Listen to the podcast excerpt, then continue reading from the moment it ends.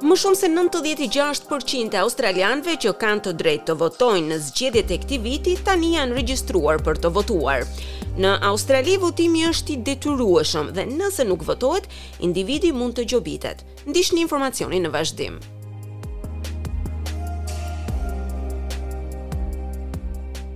Në fillim të këtij viti, Komisioni Zgjedhor Australian filloi që të kontaktojë 560.000 persona, të cilët nuk ishin regjistruar për të votuar.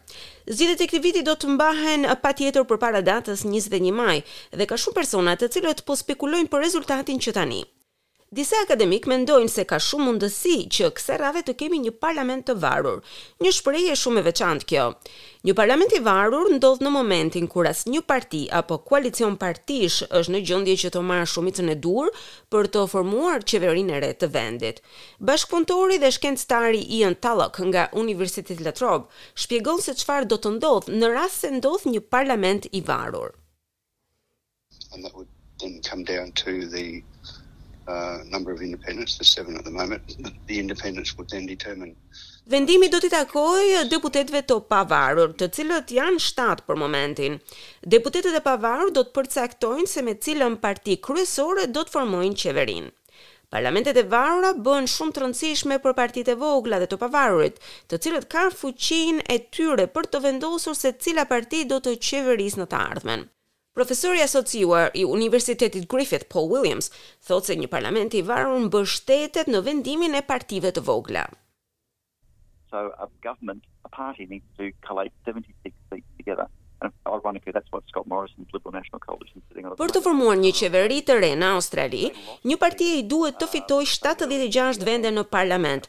Është ironike në fakt sepse Morrison për momentin ka vetëm shtatëdhjetë e gjashtë vende dhe kësaj radhe partisë së tij do t'i duhet që të marrë më shumë vende për të qenë e sigurt në fitore. Ka shumë rëndësi që kur të merrni fletën e votimit, të ndiqni të gjitha udhëzimet në të.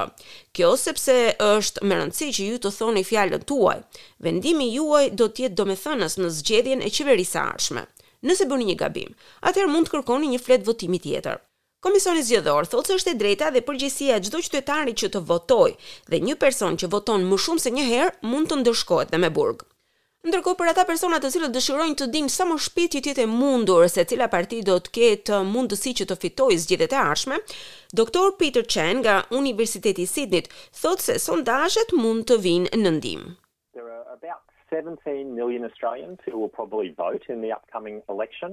and the pollsters managed to create an estimate of how all those people Ka rreth 17 milionë australianë, të cilët do të kenë të drejtë të votojnë në zgjedhjet e ardhshme.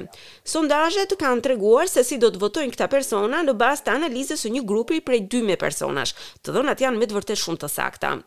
Evan Ekin-Smyth nga Komisioni Zgjedhor Australian i inkurajon të gjithë që të përditësojnë të dhënat e tyre personale përpara zgjedhjeve federale. So, if you're one of those people or if you've moved house recently, you need to go to the AEC website. Nëse ke ndërruar adresën, duhet të shkoni në faqen e internetit të Komisionit Zgjedhor, të siguroheni që jeni të regjistruar dhe që të dhënat tuaja janë të sakta.